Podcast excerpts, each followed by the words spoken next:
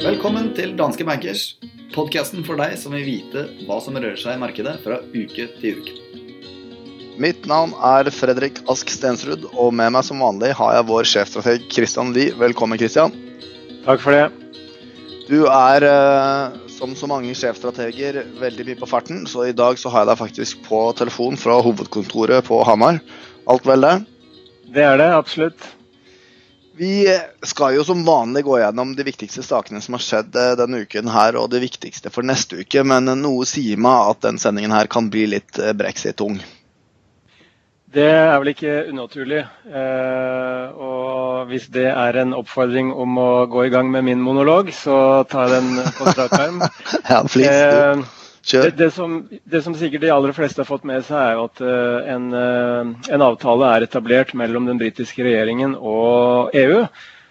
Som da skal beskrive vilkår og plikter og retningslinjer for et, en brexit av 31.10. Men det er jo kjent territorium at vi har et, et avtaleforslag mellom EU og den britiske regjeringen. Men det som er den store utfordringen, er jo å få dette godkjent i det britiske parlamentet. Og det vil eh, skje denne lørdagen, altså i, i morgen. Og så langt så er det en uh, ganske stor utfordring for Boris Johnson å få dette godkjent. Bl.a. fordi uh, dette støttepartiet til regjeringen, altså nordirske Democratic Unionist Party de har sagt eh, blankt eh, nei til eh, forslaget. Og vi vet også at denne brexit-avtalen som nå er fremforhandlet, den anses å være langt hardere, altså gi en hardere brexit enn det Therese May sitt avtaleforslag ble, ble, ble basert på. Uh, og dette har skapt uh, usikkerhet hos mange i parlamentet, og Boris Johnson er da avhengig av å få med seg flere av uh, disse tvi tvilende politikerne, både på det konservative partiet, men også i Labour, om eventuelt å stemme ja. Det som også kan bli en, en, situasjon dersom parlamentet nå sier nei, som vi ser størst sannsynlighet for, så eh, må Boris Johnson i utgangspunktet da eh, søke EU om en ny utsettelse av eh, brexit. Ganske snar, snarlig, faktisk. Eh, og det er det vi tror blir mest sannsynlig, at vi får et nei i parlamentet på lørdag. Og at det blir en ny utsettelse av brexit eh, med påfølgende nyvalg i slutten av november eller begynnelsen av desember. Men det som er positivt oppi dette Eh, virvaret er jo at sannsynligheten for en eh, avtaleløs brexit, altså en no deal-brexit, som de aller, aller fleste har sett på som worst case scenario, som vi sier på Hamar, har blitt betraktelig redusert. Fordi Hvis vi nå skulle få en utsettelse og vi får et nyvalg, så er det slik at regjeringen nå har et, et avtaleforslag, en avtale å falle tilbake på. Og dermed så kan de faktisk få styrket sin posisjon opp imot et slikt valg gjennom nettopp å ha lykkes med å fremforhandle eh, en avtale. Så Enn så lenge så vet vi jo ikke hva utfallet blir. Eh, Theresa May sitt forslag ble nedstemt var det tre ganger. Eh, og det blir nok en gang veldig eh, spennende å se om Boris Johnson klarer å, å, å lykkes eh, med dette. Men vi som nevnt tror det er relativt små sjanser for at det går igjennom. Men et spørsmål, Christian. Hvor, hvor, lenge kan det her drive og dra seg ut? Du sa at uh, Theresa May sitt forslag ble nedstemt tre ganger. Kan det fortsette på samme måten med Boris Johnson? Uh, nei, i utgangspunktet ikke. fordi vi vet at nå har vi en, uh, en brexit-dato 31.10. Og um, da er det jo slik at uh, det, det, det, er rett og slett lagt ned en lovgivning, den såkalte Ben Act, eh, som dronningen også, har godkjent, som egentlig tvinger Boris Johnson til å be om en utsettelse av eh, brexit utover 31.10 dersom han ikke har en avtale å legge til grunn, og som er godkjent av eh, parlamentet. Eh, selvsagt så vil jo dette kunne bli, bli flere avstemninger etter hvert, men et nyvalg vil nok sannsynligvis eh, føre til at enten så får regjeringen flertall og vil kunne gjennomføre brexit med den avtalen som, som ligger til grunn nå. Eller så vil Labour eksempelvis kunne få sin vilje gjennom. Det er at det skal bli en folkeavstemning rundt dette avtaleforslaget, slik at folket får sagt sin mening en gang til. Ok. Eh, ellers så har jo markedene blitt eh, preget eh, litt av det som har skjedd rundt eh, forholdet mellom USA og Kina også denne uken her. fordi vi husker jo Inngangen til forrige helg den uh, var jo preget av voldsom optimisme etter at uh, det ble etablert en, en, såkalt avtale kan vi vel si nå i etterkant mellom Trump og kineserne, som rett og slett gikk ut på at kineserne skulle øke importen av jordbruksråvarer fra USA, samtidig som Trump da ut altså droppet eh, denne tariffhevingen som skulle skje 15.10. Men i etterkant så har jo ting blitt litt mer uklart. For det første så har jo dette vist seg da å være en muntlig avtale og ikke en skriftlig avtale. Og fra kinesisk side så sier de at uh, dette er egentlig ingen avtale før vi har gjennomført flere forhandlinger og vi er villige til å skrive under. Og Det andre som også er nytt, for så vidt, det er jo at uh, omfanget av uh, import av jordbruksråvarer, som Trump sier at kineserne har gått med på, det har kineserne egentlig moderert seg på og sagt at så store volumer klarer vi nok ikke å kjøpe i løpet av kort tid. Så det som er negativt, det er at avtalen egentlig ikke monner ut i så veldig mye. Men det som er positivt, er at det er synlig velvilje fra begge parter. Og vi har faktisk justert vår, eh, våre prognoser for hvor sannsynlig det er for en mer helhetlig og større avtale som fjerner tariffer innen det amerikanske presidentvalget, fra 60% sannsynlighet for at det ikke skjer, til 50% for at det skjer og dermed 50% for at det ikke skjer, for så vidt også. Eh, matte er fantastisk sånn. Eh, så, så, vi er blitt litt mer optimistiske da, på marginen i forhold til at man kan få en avtale eh, som fjerner tariffer før presidentvalget. Okay, Det høres bra ut. Og markedet ellers, hvordan går det?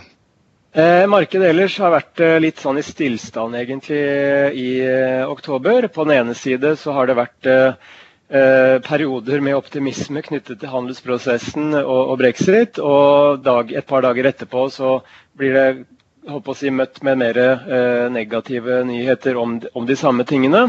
Eh, og i, i, tillegg så har det også vært eh, fortsatt bekymring i forhold til det makroøkonomiske bildet. Og spesielt eh, i industrisektoren som, som vanlig. Eh, og Der fikk vi tall denne uken her som viser at industriproduksjonen i USA eh, målt år på år, altså den årlige endringen, den er negativ eh, for første gang siden 2016. Og ser vi det i litt bredere perspektiv, så er nå industriproduksjonen i USA, Storbritannia, Japan og Tyskland negativ samtidig for første gang siden finanskrisen eh, 2008. Så industrien er i litt trøblete situasjon. Men fra amerikansk økonomi så er det også ting som er bra, nemlig f.eks. boligmarkedet. Hvor man ser at eh, et fallende rentenivå og lavere boliglånsrenter bidrar til eh, ganske god aktivitet i det amerikanske boligmarkedet, som er en drivkraft for økonomien som vi absolutt ikke skal undervurdere.